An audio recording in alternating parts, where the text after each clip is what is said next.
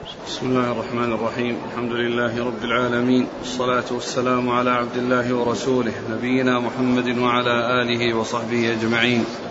أما بعد فيقول الإمام الحافظ ابن ماجه القزويني رحمه الله تعالى يقول في سننه باب المنديل بعد الوضوء وبعد الغسل وبعد الغسل.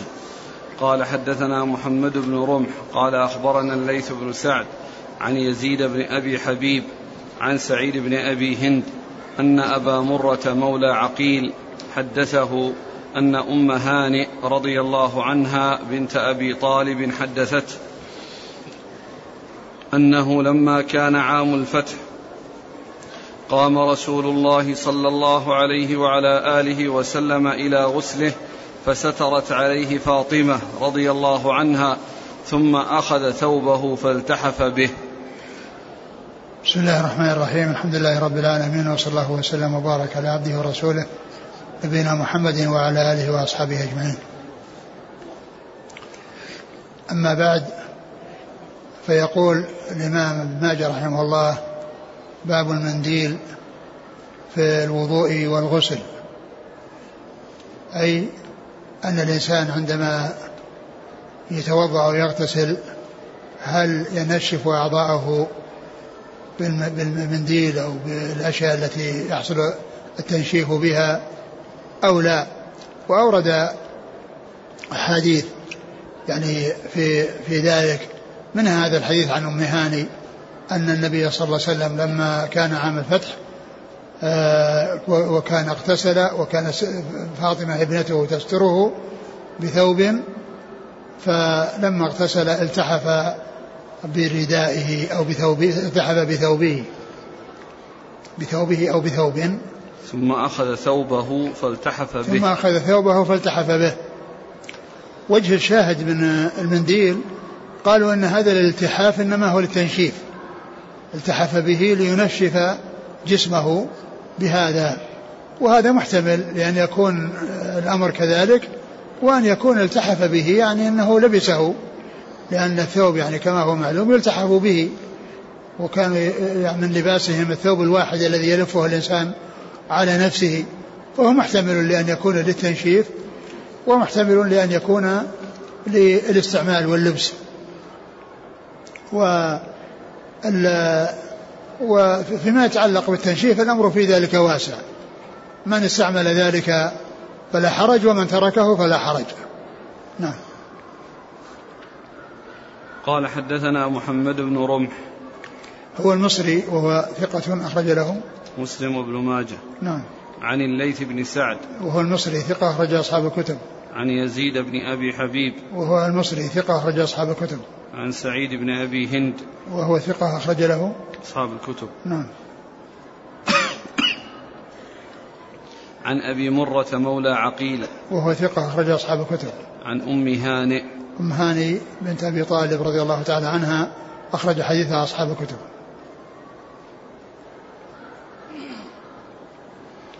قال حدثنا علي بن محمد قال حدثنا وكيع قال حدثنا ابن أبي ليلى عن محمد بن عبد الرحمن بن سعد بن زرارة عن محمد بن شرحبيل عن قيس بن سعد رضي الله عنه أنه قال أتانا النبي صلى الله عليه وعلى آله وسلم فوضعنا له ماء فاغتسل ثم أتيناه بملحفة بملحفة ورسية فاشتمل بها فكأني أنظر إلى أثر الورس على عكنه. ثم ذكر هذا الحديث عن قيس بن سعد بن, ابن عبادة رضي الله تعالى عنهما أنه قال أتانا رسول الله صلى الله عليه وسلم فاغتسل قدموا له ماء فاغتسل ثم أعطوه ملحفة فيها ورس فالتحف بها عليه الصلاة والسلام.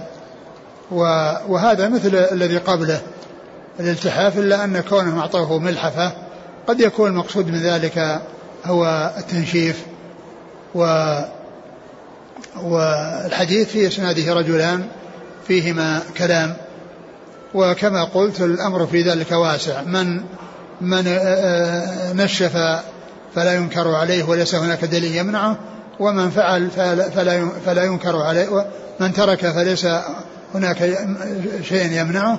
والرسول صلى الله عليه وسلم فعل أو ثبت عنه أنه لم لم يستعمل شيئا بعد الوضوء في بعض الأحاديث التي ستأتي وفي بعضها أنه استعمل ومنها ما هو محتمل ومنها ما هو صريح والأمر في ذلك واسع. من نشف أعضاءه فلا حرج ومن لم ينشفها وترك ذلك فإنه لا حرج. نعم. قال حدثنا علي بن محمد الطنافسي ثقة رجاه النسائي في مسند علي وابن ماجه. عن وكيع. وكيع بن الجراح الرؤاسي الكوفي ثقة رجع أصحاب الكتب. عن ابن أبي ليلى. وهو محمد بن عبد الرحمن بن أبي ليلى. آه، صدوق سيء الحفظ جدا. نعم. أخرج له. أصحاب السنن. نعم عن عبد الر... عن محمد بن عبد الرحمن بن سعد بن زرارة. وهو ثقة أخرج له. أصحاب الكتب. نعم. عن محمد بن شرحبيل. وهو مجهول. نعم. أخرج له ابن ماجه. نعم. عن قيس بن سعد. قيس بن سعد رضي الله تعالى عنهما هو آه، آه، آه، هو صحابي وأبوه صحابي أبوه سعد بن عبادة سيد الخزرج. أبوه سعد بن عبادة سيد الخزرج وهو وهذا ابنه قيس فهو صحابي ابن صحابي وكان معروفا بالطول كان طويلا.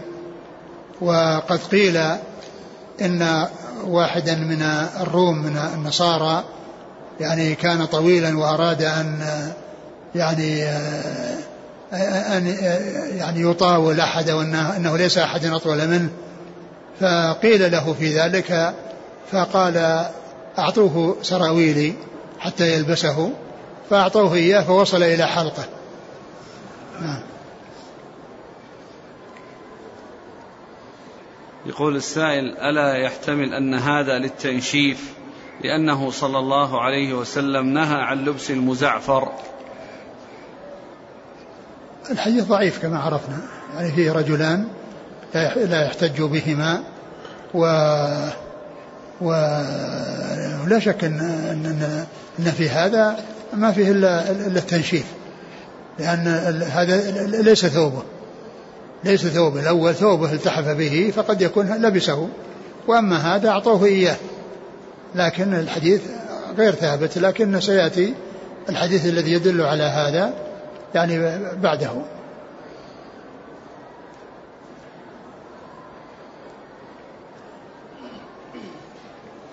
قال حدثنا أبو بكر آه، هنا في قال قال فكأني أنظر إلى أثر الورس على عكنه.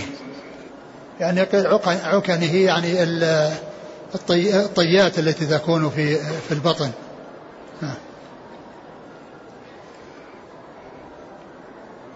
قال حدثنا أبو بكر بن أبي شيبة وعلي بن محمد قال حدثنا وكيع قال حدثنا الأعمش عن سالم بن أبي الجعد عن كريب قال حدثنا ابن عباس رضي الله عنهما عن خالته ميمونة رضي الله عنها أنها قالت أتيت رسول الله صلى الله عليه وسلم بثوب حين اغتسل من الجنابة فرده وجعل ينفض الماء.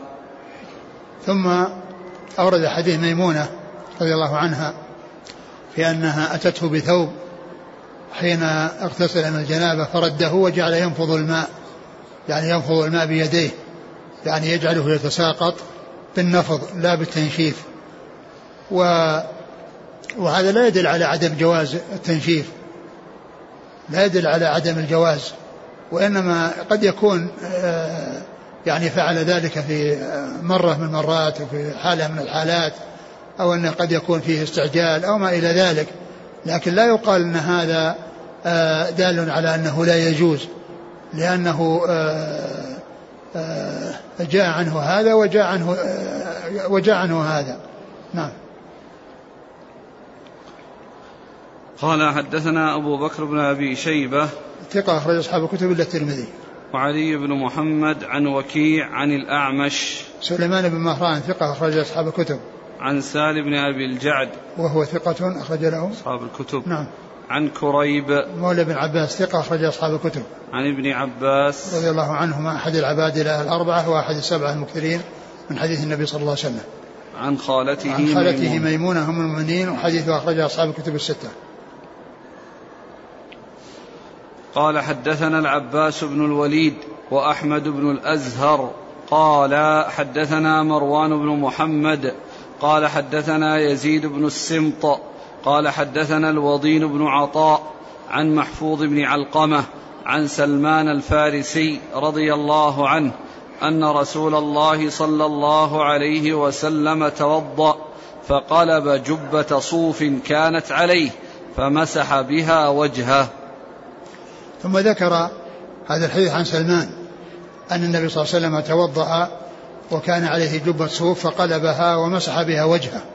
وهذا دال على استعمال التنشيف لأنه مسح بعد الوضوء. وذاك حديث ميمونة يدل على أنه لم يفعل. فإذا جاء عنه هذا وجاء عنه هذا والأمر في ذلك واسع. يعني إن إن فعل فلا بأس وإن ترك فلا بأس. لا يقال أن هذا سنة وهذا سنة وأن أحدهما سنة والثاني ليس بسنة وإنما الكل منهما جائز. إن فعل هذا لا حرج وإن فعل هذا لا حرج. ولا يقال إن هذا سنة وهذا ليس بسنة وإنما كل منهما مباح وسائر. نعم. قال حدثنا العباس بن الوليد صدوق. أخرجه ابن ماجه. والثاني. وأحمد بن الأزهر. وهو صدوق أخرجه النسائي وابن ماجه. نعم. عن مروان بن محمد وهو؟ ثقة أخرج له مسلم وأصحاب السنن. نعم. عن يزيد بن السمط وهو؟ ثقة أخرج له أخرج له أبو داود في المراسيل. والنسائي في مسند مالك وابن ماجه. نعم. عن الوضين بن عطاء وهو؟ صدوق سيء الحفظ. نعم. له أبو داود والنسائي في مسند علي وابن ماجه. نعم. عن محفوظ بن علقمة. وهو صدوق. له أبو داود والنسائي في مسند علي وابن ماجه. نعم. عن سلمان الفارسي. رضي الله عنه أخرج أصحاب الكتب. قال رحمه الله تعالى باب ما يقال بعد الوضوء. قال حدثنا موسى بن عبد الرحمن. قال أخبرنا الحسين بن علي وزيد بن الحباب حاء قال وحدثنا محمد بن يحيى قال حدثنا أبو نعيم قالوا حدثنا عمرو بن عبد الله بن وهب أبو سليمان النخعي قال حدثني زيد العمي عن أنس بن مالك رضي الله عنه عن النبي صلى الله عليه وسلم أنه قال من توضأ فأحسن الوضوء ثم قال ثلاث مرات أشهد أن لا إله إلا الله وحده لا شريك له وأشهد أن محمدا عبده ورسوله. فتح له ثمانية أبواب الجنة من أيها شاء دخل. ثم ذكر ما يقال بعد الوضوء يعني الذكر الذي يؤتى به بعد الوضوء. الوضوء يؤتى بأوله بسم الله وفي آخره بهذا الذكر. الذي هو أشهد أن لا إله إلا الله وحده لا شريك له وأشهد أن محمدا عبده ورسوله. وأيضا اللهم اجعلني من التوابين واجعلني من المتطهرين. وأيضا سبحانك اللهم وبحمدك اللهم اغفر لي. كل هذه جاءت عن رسول الله صلى الله عليه وسلم. وأما الذكر الذي يؤتى به عند كل عضو من الأعضاء فإنه لم يثبت في ذلك شيء. يعني كونه عندما يغسل وجهه يدعو بدعاء معين وإذا غسل يديه يدعو بدعاء معين. فمثل ذلك لم يثبت وإنما ثبت التسمية في أوله وتلك الأدعية في آخره. وقد أورد أبو عيسى هذا الحديث أبو ابن ماجه هذا الحديث الذي فيه آه، أنه إذا قال أشهد أن لا إله إلا الله وحده لا شريك له وأشهد أن محمدا عبده ورسوله فتحت له أبواب الجنة يدخل من أيها شاء. وفيه أنه قال ثلاثا فذكر الثلاث جاءت في هذا الإسناد. الذي فيه زيد العمي وهو ضعيف. وأما آه، بقيته فقد جاءت في الأحاديث الأخرى الصحيحة الثابتة عن رسول الله عليه الصلاة والسلام. فإذا ذكر التثليث هذا هو الذي جاء في هذا الطريق وهو غير صحيح. وأما هذا الدعاء فإنه موجود في الأحاديث الأخرى التي جاءت في صحيح مسلم وفي غيره. وسيأتي بعضها. نعم. قال حدثنا موسى بن عبد الرحمن. هو؟ ثقة أخرجه الترمذي والنسائي وابن ماجه. نعم. عن الحسين بن علي. وهو وهو الجعفي. وهو الجعفي ثقة أخرج أصحاب الكتب. وزيد بن الحباب. صدوق أخرج له. البخاري في جزء القراءة ومسلم وأصحاب السنن. نعم. حا قال وحدثنا محمد بن يحيى. هو ذهلي ثقة أخرج أصحاب الكتب. إلا مسلم. إلا مسلم نعم. عن أبي نعيم. أبو نعيم الفضل بن دكين ثقة أخرج أصحاب الكتب. عن عمرو بن عبد الله بن وهب. وهو؟ ثقة البخاري في المفرد والنسائي وابن ماجه. نعم. عن زيد العمي. وهو ضعيف أخرج له. أصحاب السنن. نعم. عن أنس بن مالك. رضي الله عنه خادم الرسول عليه الصلاة والسلام وأحد السبع المكثرين من حديثه عليه الصلاة والسلام. قال أبو الحسن بن سلمة القطان حدثنا إبراهيم بن نصر قال حدثنا أبو نعيم بنحوه. ثم ذكر هذا ال- ال- الزيادة التي عند القطان راوي السنن عن ابن ماجه. نعم. إبراهيم قال- بن نصر ليس له ليس له رواية في الكتب الستة. نعم. قال حدثنا علقمة بن عمرو الدارمي قال حدثنا أبو بكر بن عياش عن أبي إسحاق عن عبد الله بن عطاء البجلي عن عقبة بن عامر الجهني رضي الله عنه عن عمر بن الخطاب رضي الله عنه أنه قال قال رسول الله صلى الله عليه وعلى آله وسلم ما من مسلم يتوضأ فيحسن الوضوء ثم يقول أشهد أن لا إله إلا الله وأشهد أن محمدا عبده ورسوله إلا فتحت له ثمانية أبواب الجنة يدخل من أيها شاء. ثم ذكر حديث عمر بن الخطاب رضي الله عنه الذي رواه عنه عقبة بن عامر الجهني رضي الله عنه. وهو مثل الذي قبله فيما يتعلق بذكر الذكر أشهد أن لا إله إلا الله وأشهد أن محمدا عبده ورسوله إلا فتحت له أبواب الجنة الثمان يدخل من أيها شاء. والحديث في صحيح مسلم وفيه أن عقبة بن عامر ذكر قصة قبل ذكر الحديث وهي أنه أنه قال كنا نتناوب رعاية الإبل. كنا نتناوب رعاية الإبل. يعني بالتناوب أن أنهم يجمعون بين مصالحهم الدنيوية وبين التفقه وأخذ الحديث عن رسول الله صلى الله عليه وسلم. فكان كل واحد له عدد من الإبل. مثلا واحد له ثلاث واحد خمس واحد ست واحد ثنتين. فكانوا بدلا من أن يسرح كل واحد منهم بإبله القليلة يجمعونها ثم كل واحد يسرح يوم. والباقون يكونون عند النبي صلى الله عليه وسلم. ولهذا قال كنا نتناوب رعاية الإبل.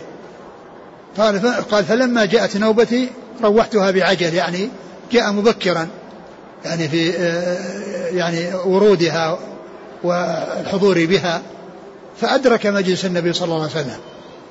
فأدرك مج- مجلس النبي صلى الله عليه وسلم فكان سمع من النبي صلى الله عليه وسلم حديثا فقال يعني آه، قال آه، يعني ما أحسن هذا؟ أو فسمع عمر قال التي قبلها أحسن التي قبلها أحسن ثم ساق له الحديث هذا الذي فيه أنه من قال كذا من توضأ فأحسن الوضوء ثم قال أشهد أن لا إله إلا الله أن محمدا عبده ورسوله فتحت له أبواب الجنة الثمانية يدخل من أيها شاء. فهذا يدل على على أن على فضل الوضوء وإحسان فضل إحسان الوضوء وإحسان الوضوء ب- بالإتيان به على التمام والكمال بأن لا يقصر في أداء ما هو واجب وذلك بالاستيعاب لجميع الأعضاء والاهتمام بأن آه، لا ينبو الماء عن شيء من أعضاء الوضوء وإذا فعل ما هو مستحب وما هو مطلوب وفعل السنن المستحبة بأن آه، آه، حصل منه آه، المبالغة التي هي الوصول إلى ثلاث غسلات ولم يزد على ذلك فإن هذا هو إتمام الوضوء. يأتي به بفروضه وبمستحباته وسننه المطلوبة فيه من, في من بدايته إلى نهايته. نعم. قال حدثنا علقمة بن عمرو الدارمي. هو؟ صدوق رجله ابن ماجه. نعم. عن أبي بكر بن عياش. وهو ثقة أخرجه البخاري ومسلم وقدمه وأصحاب السنن. عن أبي إسحاق. وهو السبيعي عمرو بن عبد الله الهمداني السبيعي ثقة أخرج أصحاب الكتب. عن عبد الله بن عطاء البجلي. هو؟ صدوق يخطئ. نعم. وله مسلم وأصحاب السنن. نعم. عن عقبة بن عامر. الجهني رضي الله عنه أخرج أصحاب الكتب. عن عمر بن الخطاب. عن عمر بن الخطاب رضي الله عنه أمير المؤمنين وثاني الخلفاء الراشدين الهاديين المهديين صاحب المناقب الجمة والفضائل الكثيرة وحديثه عند أصحاب الكتب الستة. هل تصح الزيادة؟ اللهم اجعلني من التوابين واجعلني من نعم هذه جاءت عند الترمذي وهي صحيحة. صحيحة أو حسنة. ثابتة. وهل صح أنه كان صلى الله عليه وسلم يرفع بصره حين قول هذا الذكر؟ لا أدري. يقول بعض الناس يرفعون السبابة ويدعون بهذا الدعاء بعد نهاية الوضوء. هل فعلهم صحيح؟ والله ما نعلم. الإنسان عندما يتشاهد ويقول أشهد أن لا إله إلا الله له أن يرفع وله أن لا يرفع. لكن أنا ما أعرف شيء بهذا في هذا في هذا الوقت أو في هذه الحالة بالذات. لكن الإنسان عندما يذكر الله له أن عندما يتشهد له أن يشير بالسبابة. لكن يعني إذا لم يثبت يعني في ذلك سنة في وقت معين فإن ال ال الأمر يعني يعني يكون يرجع إلى الجواز يعني لا يقال أنه سنة إلا إذا ثبت. ولكن كل إنسان عندما يتشهد أشهد أن الله يحرك إصبعه أو يرفع إصبعه بالسبابة لا بأس بذلك. هل يصح أن يؤتى بهذا الدعاء كذلك بعد الاغتسال أم هو خاص بالوضوء؟ لا هو ذكر بعض العلماء أنه يؤتى به يعني بهذا وبهذا. لأن الشارح ذكر شيء من هذا. لا. نعم لم يذكر. ما ذكر شيء عند الحديث؟ ولا اللي قبله اللي بعده اللي قبله؟ له كله الباب نفسه ذا. آه. ما في شيء. نعم. كذلك ما صحة الدعاء الآخر الذي ذكره سبحانك اللهم وبحمدك أشهد أن لا إله إلا أنت أستغفرك وأتوب إليك. هذا صحيح وحسن ما ذكره الشارع؟ إلا. إيه. قال؟ قال ويستحب أن يضم إلى ذلك ما رواه النسائي في كتابه. عمل يوم والليلة مرفوعا. سبحانك الله وبحمدك أشهد أن لا إله إلا أنت. بس قال وحدك لا شريك لك. آه. أستغفرك وأتوب إليك. آه. هذا يفيد يقول النووي ذكر هذا في شرح مع مسلم أنه كذلك بعد الغسل. أي ذكره يعني هنا أشار إليه؟ لا نعم. يفيد الأخ فائدة. نعم نعم. يقول الأخ ألا يستدل بالحديث على أن الجنة مخلوقة؟ الحديث هذا ما يدل لأن هذا يعني معناه في الدار الآخرة. فتحت باب الجنة يدخل من أيها شاء. لكن الأدلة على وجود الجنة وأنها مخلوقة هذه في حديث كثيرة ثابتة عن رسول الله عليه الصلاة والسلام. يعني منها حديث صلاة الكسوف. لما عرض عليه الجنة وعرض عليه النار فرآها يعني وما رأى العناقيد المتدلية. يعني هذا يدل على وجودها وأنها مخلوقة لأنها عرضت عليه وهي موجودة. وكذلك الجنة التي دخلها آدم كونه دخل آدم الجنة وأخرج منها وخرج منها.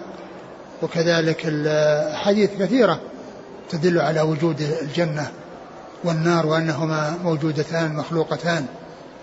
نعم. كذلك من كذا بين الله له بيتا في الجنة من قال كذا بين الله له بيتا في الجنة. نعم. قال رحمه الله تعالى باب الوضوء. كذلك كذلك حديث البراء بن عازب الذي فيه أنه إذا كان في القبر وكان موفقا في الأسئلة التي يسأل عنها قال فتح فتح له باب إلى الجنة ياتيه من روحها ونعيمها. وكذلك ال ال النار فتح عليه باب إلى النار ويأتيه من روحها من مسمها وسمومها من حرها وسمومها. وكذلك الآية في القرآن النار يعرضون عليها غدوا وعشيا ويوم تقوم الساعة هل أدخلوا آل فرعون أشد العذاب؟ وهم يعذبون في النار في قبورهم. يعني قبل قبل أن يأتي البعث والنشور. وآل فرعون في القبور من قديم الزمان يعذبون في النار. نعم. قال رحمه الله تعالى باب الوضوء في الصفر. قال حدثنا أبو بكر بن أبي شيبة قال حدثنا أحمد بن عبد الله عن عبد العزيز بن الماجشون قال حدثنا عمرو بن يحيى عن أبيه عن عبد الله بن زيد رضي الله عنه صاحب النبي صلى الله عليه وسلم أنه قال أتانا رسول الله صلى الله عليه وسلم فأخرجنا له ماء في تور من صفر فتوضأ به. ثم ذكر باب الوضوء. في الصفر. في الصفر. والصفر هو نوع من النحاس أو هو نحاس يكون لونه أصفر يعني يشبه الذهب. فيعني استعمال شيء يشبه الذهب وليس بذهب لا بأس وإنما المحذور هو الذهب. أما شيء يكون لونه لون الذهب الذي هو الصفر فإنه لا بأس به لأنه وإن أشبه الذهب فليس بذهب. فكونه يشبه الذهب في لونه لا يدل على المنع منه كما يمنع من الذهب. فالذهب منع منه بأحاديث صحيحة والصفر ما جاء المنع منه بل جاء استعماله. والرسول صلى الله عليه وسلم نهى عن استعمال آنية الذهب والفضة وقال إنهما لهم في الدنيا ولنا في الآخرة. و والحديث يعني هذا يدل على أن الصفر استعماله والتوضؤ به لا بأس به وإن كان لونه أصفر كالذهب فإن ذلك لا يؤثر. يقول عبد الله بن زيد أتانا صلى الله عليه وسلم فأخرجنا له ماء في تور من صفر. نعم. جاءنا فأخرجنا له ماء في تور وعاء وعاء من الماء يتوضأ به. فقال تور وهو وعاء وقال نوعه من صفر الذي هو النحاس لونه أصفر. نعم. قال حدثنا أبو بكر بن أبي شيبة عن أحمد بن, يو... بن عبد الله. أحمد بن عبد الله بن يونس. أحمد بن عبد الله بن يونس. وهو ثقة أخرج له أصحاب الكتب وهو الذي قال عنه الإمام أحمد أنه شيخ الإسلام وصفه بأنه شيخ الإسلام. وهذه العبارة عبارة قديمة يعني جاءت عن الإمام أحمد في حق هذا الرجل. جاءت عن الإمام أحمد وصف بهذا الرجل فقال آه، لرجل اذهب إليه ويعني خذ منه فإنه شيخ الإسلام. وهو أحمد بن عبد الله وهو مشهور بأحمد بن يونس. وذكر أحمد بن عبد الله هذه يعني غير يعني غير واضحة في تعيينه. لأن وهذا هو الذي يسمونه تدريس الشيوخ. يعني كل إنسان يذكر بغير ما اشتهر به. يذكر بغير ما اشتهر به هذا تدريس الشيوخ يسمى. فإنه يعني كونه مشهور بشيء ثم يذكر بكنيته أو أو ذكر اسم أبيه أو ذكر جده أو ما إلى ذلك هذا يسمى تدريس الشيوخ تدريس أسماء الشيوخ والتدريس آه، تدريسان تدريس أسماء الشيوخ وتدريس الإسناد. تدريس أسماء الشيوخ كونه يذكر آه، شيخه بغير ما اشتهر به بغير ما اشتهر به فلا يعرف لأنه ما ذكر بالشيء الذي اشتهر به وتدريس الإسناد هو أن يروي التلميذ عن شيخه ما لم يسمعه منه بلفظ موهم من السماع كعن أو قال. بلفظ موهم من السماع كعن أو قال. لأن احتمال أن يكون فيه ساقط. لكن إذا صرح بالسماع عرف بأنه ليس هناك سقوط. ولهذا يقولون في المدلسين إذا روى بالعنعنة يقال صرح بالسماع في رواية فلان. فإذا زال احتمال التدليس. نعم. وسيأتي في إسناد قريب يعني مروان بن معاوية وكان معروفا بتدليس أسماء الشيوخ. نعم. عن عبد العزيز بن الماجشون هو ثقة أخرج له. أصحاب الكتب. نعم. عن عمرو بن يحيى ثقة أخرج له. أصحاب الكتب. نعم. عن أبيه أبيه. يحيى بن عمار المازني ثقة أخرجه أصحاب نعم. الكتب. عن عبد الله بن زيد. صحابي أخرجه أصحاب الكتب. قال حدثنا يعقوب بن حميد بن كاسب. قال حدثنا عبد العزيز بن محمد الدراوردي عن عبيد الله بن عمر عن إبراهيم بن محمد بن عبد الله بن جحش عن أبيه رضي الله عنه عن زينب بنت جحش رضي الله عنها أنها أنه كان لها مخضب من صفر. قالت كنت أرجل رأس رسول الله صلى الله عليه وسلم فيه. ثم ذكر هذا الحديث عن عن زينب بنت جحش رضي الله عنها أنه كان لها مخضب يعني إناء يعني منبسط يعني مثل ما يسمى الطشت. فكان وكان من صفر وكانت ترجل شعر رسول الله يعني منها تسرحه بالمشط يعني شعره صلى الله عليه وسلم يعني عندما يعني يغسل أو يعني يوضع فيه يعني شيء من الدهن فانه فإنها ترجله يعني تسرحه بالشعر بالمشط. هذا هو الترجيل. والمقصود من ذلك ذكر الصفر أو الإناء من الصفر واستعمال وأن استعماله وأن استعماله سائغ وأن ذلك لا يؤثر وإن كان لونه لون الذهب. نعم. قال حدثنا يعقوب بن حميد بن كاسب. هو صدوق ربما وهم نعم. البخاري في خلق أفعال العباد وابن ماجه. عن عبد العزيز بن محمد الدراوردي. صدوق أخرج أصحاب الكتب. عن عبيد الله بن عمر. وهو ثقة أخرج أصحاب الكتب.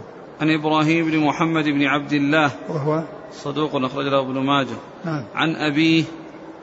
هو صحابي صغير. نعم. نعم. أخرج البخاري تعليقا والنسائي وابن ماجه. نعم. عن زينب بنت جحش. عن زينب بنت جحش أم المؤمنين رضي الله عنها أخرج لها أصحاب الكتب الستة. اسمه اسمه إيش؟ محمد. اسمه إبراهيم. إبراهيم بن محمد بن عبد الله بن جحش. إبراهيم. أبوه هذا صدوق. أما أبوه الصحابي محمد بن عبد الله بن جحش. نعم. يعني يعني عمته ميمونة لأنها نعم. هذا ها؟ نعم. عبد الله بن جحش. عمة زينب. نعم عمة زينب نعم. لأنها بن زينب بن جحش وهذا عبد الله بن جحش. نعم. يعني أبوه يعني عمته لا هو أبوه أخوها. أخوها نعم. لا هو إبراهيم. هو. إبراهيم بن محمد. إيه لكن يروي عن أبيه نعم، إبراهيم نعم, نعم. هو أبوه هو الذي يروي عن عمته. نعم. قال حدثنا أبو بكر بن أبي شيبة وعلي بن محمد قال حدثنا وكيع عن شريك عن إبراهيم بن جرير عن أبي زرعة بن عمرو بن جرير عن أبي هريرة رضي الله عنه أن النبي صلى الله عليه وسلم توضأ في تور. ثم ذكر هذا الحديث عن أبي هريرة توضأ في تور وهو وعاء. نعم. ما له علاقة لكن ما ذكر ما ذكر ما ذكر الصفر والترجمة الصفر. يعني لأنها مر ثور من صفر في الحديث عبد الله بن زيد؟ عبد الله بن زيد. يعني قد يكون ما أدري هل أنه جاء في بعض الطرق أو كذا أنه من صفر أو أنه يعني يعني يحمل على أنه مثل الحديث الأول. نعم. قال حدثنا أبو بكر بن أبي شيبة وعلي بن محمد عن وكيع عن شريك. صدوق خرجه البخاري تعليقا مسلم وأصحاب السنة. عن إبراهيم بن جرير. وهو؟ صدوق رجله أبو داود والنسائي بن ماجه. نعم. عن أبي زرعة بن عمرو بن جرير. وهو ثقة زرع أبو زرعة بن عمرو. نعم. ثقة أخرج أصحاب الكتب. عن أبي هريرة. نعم. ما حكم الوضوء في الآنية المطلية بالذهب؟ لا يستعمل الإنسان آه، الذهب لا سواء كان مصنوعا أو مطليا به. نعم. ما يسمى بالذهب الأبيض. ما هناك ذهب أبيض الذهب يكون أصفر. فهذا هذا قال للبترول الذهب الأسود. يعني معناها أن له منزلة وأن له قيمة. فالذهب الأبيض ما في ذهب. الذهب لا يكون أبيض. إلا إذا كان أنه ذهب وأطلي بشيء أبيض والداخل ذهب فهذا يعني لا يخرجه عن كونه ذهبا. كون كونه يصير ذهب ثم يطلع بطلاء أبيض ما يخرجه عن كونه ذهبا. أما إذا كان المادة كلها بيضاء وليس يعني وليس منه شيء من الذهب الذي هو أصفر فإنه لا يقال له ذهب. قال رحمه الله تعالى باب الوضوء من النوم. قال حدثنا أبو بكر بن أبي شيبة وعلي بن محمد قال حدثنا وكيع قال حدثنا الأعمش عن إبراهيم عن الأسود عن عائشة رضي الله عنها أنها قالت كان رسول الله صلى الله عليه وعلى آله وسلم ينام حتى ينفخ ثم يقوم فيصلي ولا يتوضأ. قال الطنافسي قال وكيع تعني وهو ساجد. ثم ذكر آه ابن ماجه رحمه الله هذا الباب باب باب الوضوء من النوم. نعم. باب الوضوء من النوم يعني أن النوم آه النوم آه إذا كان يعني مستغرقا أو كان يعني ليس خفيفا يعني عن جلوس فإنه يكون ناقضا للوضوء لأنه مظنة الحدث وليس الحدث. لأنه النوم في نفسه ليس حدثا ولكنه مظنة الحدث. لأن لأنه كما سيأتي في الحديث أن العين وكاء أسة فإذا نامت العينان استطلق الوكاء. فهو مظنة للحدث وليس هو نفس الحدث. ولهذا فإنه إذا حصل يسيرا عن جلوس مثل ما كان الصحابة رضي الله عنهم ينتظرون الصلاة وتخفق رؤوسهم ثم يقومون ولا يتوضؤون. يعني يدل على أن النوم الذي ينقض نوع خاص. أو نوم خاص وهو الذي فيه مظنة الحدث أما إذا كان نعس الإنسان وهو واقف أو نعس وهو جالس وخفق رأسه فإن ذلك لا يؤثر. أما إذا كان جالسا متمكنا فإنه مثل المضطجع. لا فرق بينه وبينه. لكن الإنسان جلوس غير متمكن ثم يحصل منه أنه آه، ينعس ثم يخفق رأسه ويتنبه ويطير عنه ذلك النعاس فإن هذا لا لا يحصل معه نقض الوضوء لأن الصحابة رضي الله عنهم بعضهم كانوا يفعلون ذلك. وعائشة رضي الله عنها أخبرت بأن النبي صلى الله عليه وسلم كان ينام حتى ينفخ ثم يقوم ولا يتوضأ. وهذا من خصائصه صلى الله عليه وسلم. هذا من خصائصه عليه الصلاة والسلام أنه إذا نام يعني تنام عيناه ولا ينام قلبه ولا ينتقض وضوءه عليه الصلاة والسلام بالنوم. وأما غيره فإنه فيه التفصيل الذي آه، أشرت إليه. نعم.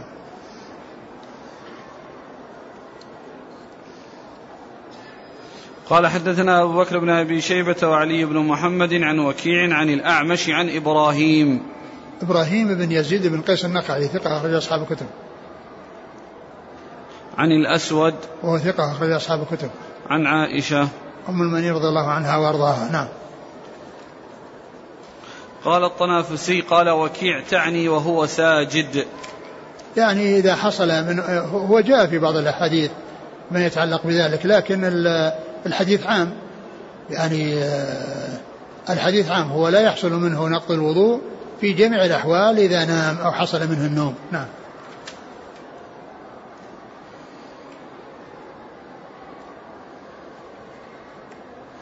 قال حدثنا عبد الله بن عامر بن زرارة قال حدثنا يحيى بن زكريا بن أبي زائدة عن حجاج عن فضيل بن عمرو عن إبراهيم عن علقمة عن عبد الله رضي الله عنه أن رسول الله صلى الله عليه وسلم نام حتى نفخ ثم قام فصلى. وهذا مثل الذي قبله نعم. قال حدثنا عبد الله بن عامر بن زرارة هو؟ صدوق وله مسلم وأبو داود وابن ماجه. نعم. عن يحيى بن زكريا بن أبي زائدة. ثقة أخرج أصحاب الكتب. عن حجاج. هو ابن هو, هو ابن ارطاه وهو؟ صدوق كثير الخطأ والتدليس. نعم. وله البخاري المفرد ومسلم وأصحاب السنن. نعم. عن فضيل بن عمرو. وهو؟ ثقة أخرج له مسلم وأبو داود في القدر والترمذي والنسائي بن ماجه. نعم. عن إبراهيم عن علقمة. علقمة صاحب مسعود ثقة أخرج أصحاب الكتب. عن عبد الله نعم عبد الله بن مسعود رضي الله تعالى عنه أخرجه أصحاب الكتب. قال حدثنا عبد الله بن عامر بن زرارة قال حدثنا ابن أبي زائدة عن حريث بن أبي مطر عن يحيى بن عباد أبي هبيرة أبي هبيرة الأنصاري عن سعيد بن جبير عن ابن عباس رضي الله عنهما أنه قال كان نومه ذلك وهو جالس يعني النبي صلى الله عليه وسلم. ثم ذكر يعني حديث ابن عباس يعني كان نومه ذلك الذي يعني يقوم بعده هو يصلي ولا يتوضأ وهو جالس. والحديث في إسناده آه، الحريث آه، الحريث. بن أبي مطر. وهو ضعيف. فهو يعني لا يختص آه، نومه بحال من دون الأحوال فهو في جميع الأحوال إذا نام فإن من خصائصه أنه لا يؤثر فيه النوم وعين وتنام عيناه ولا ينام قلبه صلى الله عليه وسلم وهذا من خصائصه. والحديث آه، هذا الذي فيه ذكر الجلوس خاصة وفي إسناده هذا الرجل الذي هو ضعيف. نعم. قال حدثنا عبد الله بن عامر بن زرارة عن ابن أبي زائدة عن حريث بن أبي مطر. ضعيف أخرج له. البخاري تعليقا الترمذي وابن ماجه. نعم. عن يحيى بن عباد وهو ثقة رجل البخاري المفرد ومسلم وأصحاب السنن. نعم. عن سعيد بن جبير ثقة أخرج أصحاب الكتب. عن ابن عباس. نعم. قال حدثنا محمد بن المصفى الحمصي. قال حدثنا بقية عن الوضين بن عطاء عن محفوظ بن علقمة عن عبد الرحمن بن عائد الأزدي عن علي بن أبي طالب رضي الله عنه أن رسول الله صلى الله عليه وعلى آله وسلم قال العين وكاء السه فمن نام فليتوضأ. آه، ثم ورد هذا الحديث عن علي رضي الله عنه العين وكاء السه. السه اسم من أسماء الدبر و وقال العين وكاء السه. يعني فالإنسان إذا كان مستيقظا فإنه يحافظ على أن لا يخرج منه شيء. وأما إذا نام فإنه آه، يحصل منه. يعني في نومه شيء يعني آه، لا طاقة له به. وعرفنا أن الرسول صلى الله عليه وسلم اختص بأنه آه، لا يؤثر فيه النوم. وأما غيره فإنه يؤثر فيه كما جاء في هذا الحديث وغيره من الأحاديث الأخرى الدالة على أن الوضوء يحصل أن النوم يحصل منه يحصل بعده الوضوء. فقال العين وكاء السه يعني مثل الاستقاء أو القربة التي توكى فإنه ما دام الرباط. يعني موجودا فإنه لا يخرج. وإذا كان غير موجود فإنه يخرج منه. فكذلك الإنسان إذا كان مستيقظا فهي مثل الوكاء الذي يوكى به توكى به القربة. لا يخرج منها شيء فكذلك ولا يخرج منها شيء. لأنه يمنع حصول ذلك.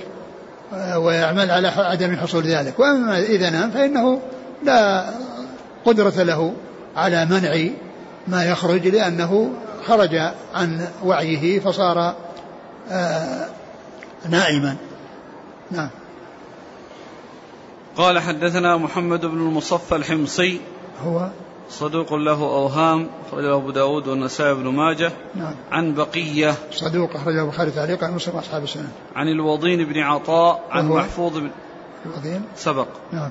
عن محفوظ بن علقمة عن عبد الرحمن بن عائد الأزدي. هو؟ ثقة أخرجه أصحاب السنن. نعم. عن علي بن أبي طالب. أمير المؤمنين ورابع الخلفاء الراشدين الهاديين المهديين صاحب المناقب الجمة والفضائل الكثيرة وحديثه عند أصحاب الكتب الستة. قال حدثنا أبو بكر بن أبي شيبة قال حدثنا سفيان بن عيينة عن عاصم عن زر عن صفوان بن عسال رضي الله عنه أنه قال كان النبي صلى الله عليه وعلى آله وسلم يأمرنا ألا ننزع خفافنا ثلاثة أيام إلا من جنابة لكن من غائط وبول ونوم. ثم ذكر حديث صفوان بن عسار رضي الله عنه أن النبي كان يأمرنا ألا ننزع خفافنا ثلاثة أيام يعني في السفر يعني ثلاثة الأيام إنما هي تكون في السفر وأما في الحضر يوم وليلة. آآ آآ كان كان كان يأمرنا ألا ننزع خفافنا ثلاثة أيام إلا من جنابة. إلا من جنابة يعني أن الجنابة لا بد فيها من إزالة الخفاف حتى يغسل. يغتسل جميع جميع الجسد لأن الغسل ما فيه مسح المسح على عند الوضوء وإنما يعني يكون النزع يعني وإنما يكون المسح بالنسبة للنوم والغائط والبول يعني هذه التي يمسح عليها يعني في الوضوء. وأما بالنسبة للجنابة فلا بد من نزع الخفاف لأن الاغتسال يعني يتطلب أن يصل الماء إلى جميع الأعضاء إلى جميع أجزاء الإنسان وأعضاء الإنسان من أسفله إلى أعلاه فتنزع الخفاف ليصل الاغتسال إلى الرجلين. وأما بالنسبة للنوم والبول والغائط فإنها فإنه يمسح الإنسان عليهما في حدود يوم وليلة للمقيم وثلاثة أيام بلياليها للمسافر. ومحل الشاهد منه أن أن أن أن النوم ذكره مع البول والغائط وأنه يعني يحصل به نقض الوضوء ويتوضأ الإنسان ويمسح. نعم. قال حدثنا أبو بكر بن أبي شيبة عن سفيان بن عيينة. سفيان بن عيينة ثقة أخرج أصحاب الكتب. عن عاصم.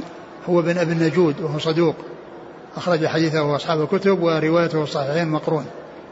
عن زر زر بن حبيش ثقة أخرج أصحاب الكتب. عن صفوان بن عسال. رضي الله عنه أخرج له. الترمذي والنسائي وابن ماجه. نعم. قال رحمه الله تعالى باب الوضوء من مس الذكر. قال حدثنا محمد بن عبد الله بن نمير. قال حدثنا عبد الله بن إدريس عن هشام بن عروة عن أبيه عن مروان بن الحكم عن بسرة بنت صفوان رضي الله عنها أنها قالت قال رسول الله صلى الله عليه وسلم إذا مس أحدكم ذكره فليتوضأ.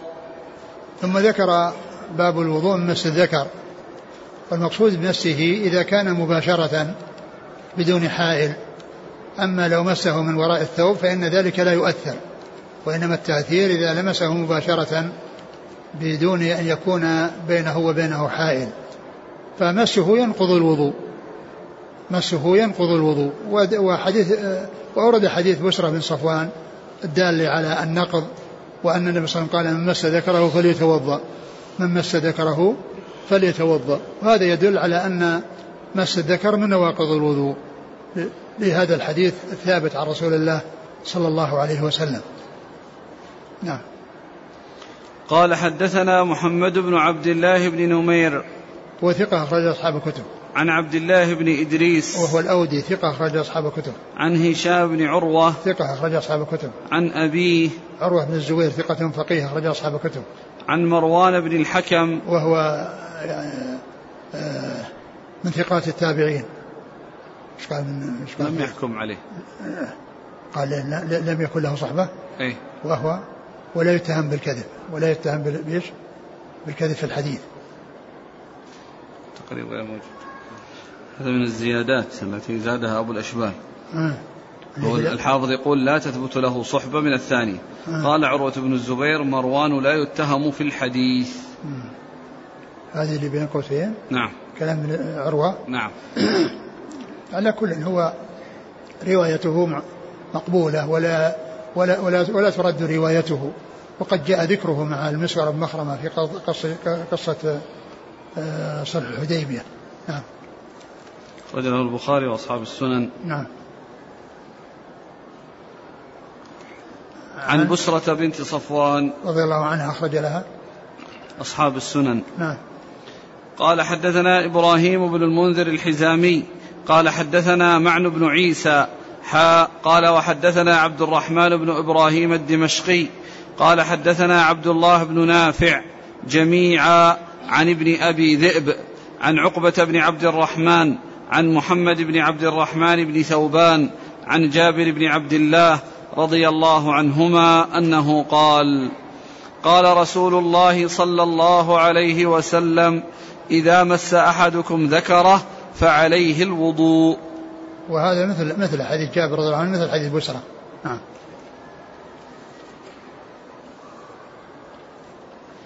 قال حدثنا إبراهيم بن المنذر الحزامي. هو صدوق رجله البخاري والترمذي والنسائي وابن ماجه. نعم. عن معن بن عيسى. وهو ثقة أخرج أصحاب الكتب. قال وحدثنا عبد الرحمن بن إبراهيم الدمشقي. وهو ثقة أخرج له. البخاري وأبو داود والنسائي وابن ماجه. نعم. عن عبد الله بن نافع. وهو ثقة رجل البخاري في الأدب المفرد ومسلم وأصحاب السنن. نعم. عن ابن أبي ذئب. وهو محمد بن عبد الرحمن. ابن المغيرة وهو ثقة أخرج أصحاب الكتب. عن عقبة بن عبد الرحمن. وهو؟ مجهول أخرج له ابن ماجه. نعم. عن محمد بن عبد الرحمن بن ثوبان. وهو؟ ثقة أخرج أصحاب الكتب. نعم. عن جابر بن عبد الله. نعم. يعني فيكون شاهد ل أو يشهد له حديث بسرة المتقدم. نعم. وإن كان فيه مجهول إلا أن متنه يعني آه، جاء في حديث بسرة نعم. قال حدثنا أبو بكر بن أبي شيبة قال حدثنا المعلى بن منصور حا قال وحدثنا عبد الله بن أحمد بن بشير بن ذكوان الدمشقي قال حدثنا مروان بن محمد قال حدثنا الهيثم بن حميد قال حدثنا العلاء بن الحارث عن مكحول عن عنبسة بن أبي سفيان عن أم حبيبة رضي الله عنها أنها قالت سمعت رسول الله صلى الله عليه وسلم يقول من مس فرجه فليتوضأ. ثم ذكر حديث ام حبيبة من مس فرجه فليتوضأ. يعني وهذا يعني يشمل الرجال والنساء والحكم والأحكام هي عامة للرجال والنساء. يعني إلا إذا جاء شيء يخص الرجال ويميزهم عن النساء أو يخص النساء ويميزهن عن الرجال. وهذا يعني آه، فيه آه، مثل الذي قبله الحديثين الذي قبله يتعلق بمس بالوضوء مس الفرج. نعم. لكن هل يخصص من الفرج الذكر فقط أو قبل ودبر؟ والله كلهم كلهم نعم. قال حدثنا أبو بكر بن أبي شيبة عن المعلى بن منصور. المعلى بن منصور هو؟ ثقة أخرج أصحاب الكتب. نعم. حا قال وحدثنا عبد الله بن أحمد بن بشير بن ذكوان. وهو؟ صدوق أبو داود بن ماجه. نعم. عن مروان بن محمد عن الهيثم بن حميد. وهو؟ صدوق إلى أصحاب السنن. نعم. عن العلاء بن الحارث. وهو؟ صدوق له مسلم وأصحاب السنن. نعم. عن مكحول. وهو صدوق يدلس. ثقة. ثقة يدلس. وقيل إنه لم يسمع من من عنبسة لفوقه. نعم. نعم هو يدلس ولا يروي المرأة؟ يرسل. لا يرسل. يرسل. لا ما قال في تدليس. ما في تدليس. ثقة فقيه كثير الإرسال مشهور. دون تدليس؟ لا. نعم آه فهذا هو الذي آه العلة في في مكحول وعدم سماعه من عنبسة لكنه آه يشهد له ما تقدم من الحديثين قبله. نعم. لم يسمع. أو الحديث قبله. نعم لم يسمع من عنبسة. من عم نعم عنبسة. نعم. نعم. عن عنبسة وهو؟ قال عنه تابعي أخرج له مسلم وأصحاب السنن. نعم. لكن في حكم جديد عند أبو الأشبال. ها؟ أقول حافظ ما حكم إلا أبو الأشبال أحيانا يضيف إضافات. وما يقال له رؤية. وقال أبو نعيم اتفق الأئمة على أنه تابعي. وذكره ابن حبان في ثقات التابعين. عن أم حبيبة. أم حبيبة بنت أبي سفيان رضي الله عنها أخرج لها أصحاب الكتب. قال حدثنا سفيان بن وكيع قال حدثنا عبد السلام بن حرب عن إسحاق بن أبي فروة عن الزهري عن عبد عن عبد الله هكذا. عبد الله بن عبد القاري. نعم. صوابه. هو عبد الله عبد الرحمن عبد الرحمن هو؟ مم. عن عبد الرحمن بن عبد القاري عن أبي أيوب رضي الله عنه. الأخرى وش الرحمن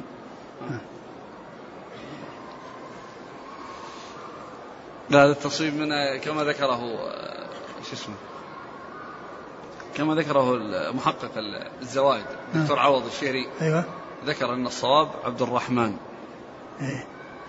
عن عبد الرحمن بن عبد القاري عن أبي أيوب رضي الله عنه أنه قال سمعت رسول الله صلى الله عليه وسلم يقول من مس فرجه فليتوضأ.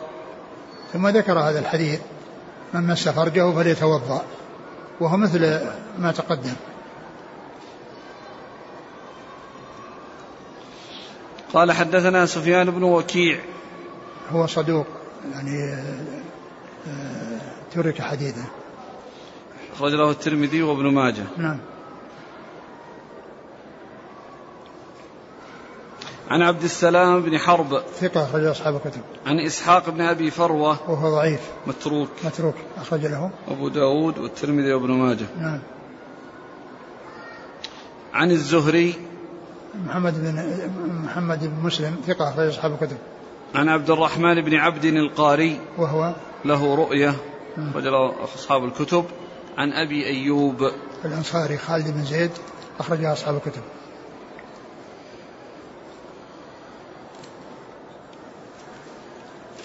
يقول السائل من مس ذكره بلا عمد هل ينتقض وضوءه؟ نعم ينتقض وضوءه. لأنه عموم قوله من مس ذكره فليتوضأ سواء كان متعمدا أو غير متعمد. من مس ذكره بظاهر الكف ليس بباطن يده. لا أدري. الأم حين? الأم بالنسبة مع رضيعها في تغسيله. ينقض الوضوء. من مس ذكره هل يفرق بين ما كان بشهوة وبلا شهوة؟ والله الذي يبدو أنه عام. لأن لفظ الحديث عام من مس ذكره فليتوضأ. ما قارب الشيء يعطى حكمه؟ نعم ما قارب الشيء يعطى حكمه لكن آه قضية الفرج يعني سواء كان قبل أو دبر إذا حصل المس فإنه آه، يحصل نقض الوضوء به. ومعروف أن ما قارب الشيء أحيانا يعطى حكمه ليس دائما وأبدا لأنه قد جاء ما يدل على أن الشيء المقارب يعطى حكم الذي آه، مثل آه، لقنوا موتاكم لا إله إلا الله فإنه أطلق على من قارب الموت أنه ميت. وكذلك صلاة المغرب قيل إنها وتر العشاء وتر النهار. مع أنها ليست في النهار وإنما هي في أول الليل لأن الليل يبدأ بغروب الشمس والمغرب تكون بعد بعد بعد الغروب فقيل لها وتر النهار لأنها قريبة من النهار.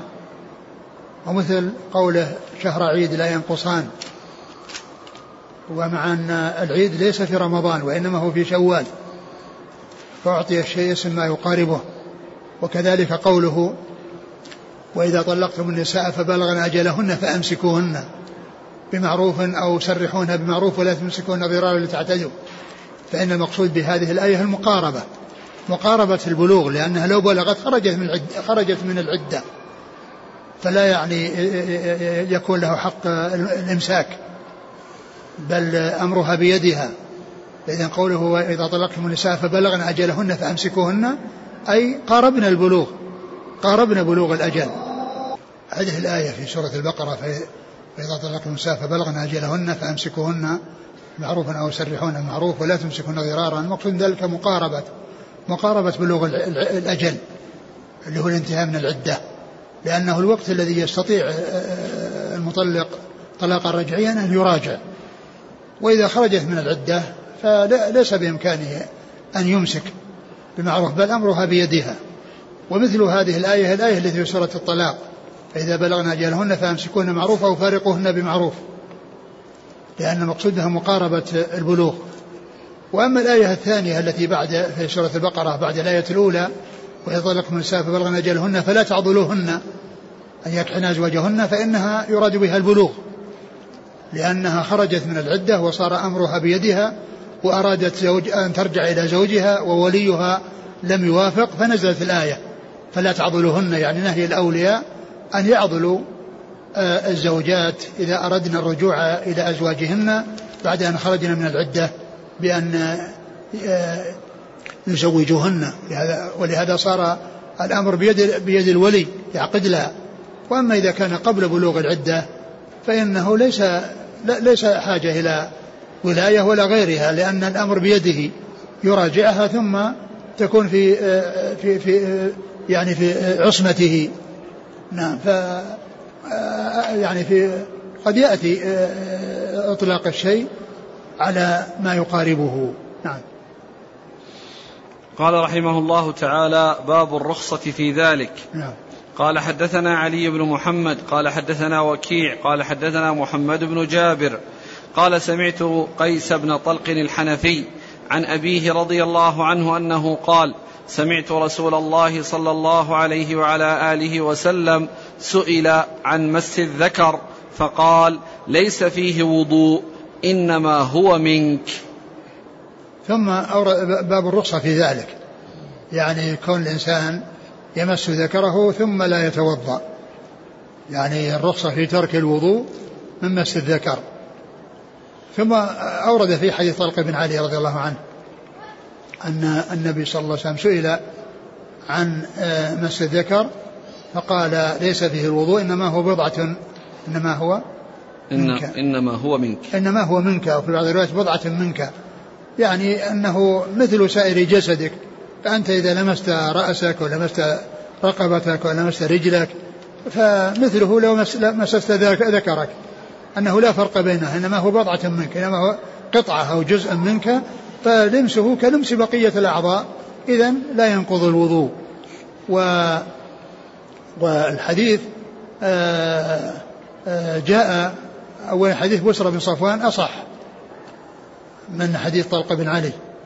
ثم أيضا جاء ما يدل على أن حديث طلق بن علي كان متقدما لأنه جاء أنه قال جئت وهم يؤسسون المسجد.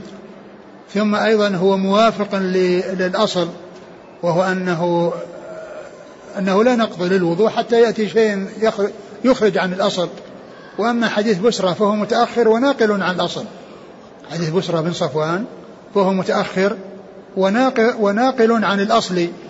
فإذا يعني يدل على اعتباره وعلى الأخذ به وأن هذا يكون ناسخ لذلك المتقدم الذي هو آه، مبق على الأصل الذي هو عدم النقض. لكن آه، الحديث بشرى ناقل عن الأصل الذي هو عدم النقض وهو متأخر فيكون هو الأرجح القول بأنه ناقض الوضوء. وبعض أهل العلم أخذ بحديث طلق بن علي وقال إنه لا ينقض الوضوء. نعم. قال حدثنا علي بن محمد عن وكيع عن محمد بن جابر. هو؟ صدوق ذهبت كتبه فساء حفظه نعم له أبو داود بن ماجه. نعم. عن قيس بن طلق الحنفي. وهو صدوق رجله أصحاب السنن. نعم. عن أبيه. وهو طلق بن علي رضي الله عنه أخرج أصحاب السنن. قال حدثنا عمرو بن عثمان بن سعيد بن كثير بن دينار الحمصي. قال حدثنا مروان بن معاوية عن جعفر بن الزبير عن القاسم عن أبي أمامة رضي الله عنه أنه قال سئل رسول الله صلى الله عليه وسلم عن مس الذكر فقال إنما هو حذية منك. ثم ذكر هذا الحديث أنه سئل عن الذكر فقال إنما هو حذية يعني أو في بعض الألفاظ حذوة. والمقصود من ذلك أنه قطعة منك أو جزء من قطع والحذوة هي قطعة من اللحم. قيل قطعة مستطيلة وقيل قطعة يعني مطلقة وهو مثل حديث الحديث الأول الذي إنما هو منك. نعم. قال حدثنا عمرو بن عثمان بن سعيد بن كثير.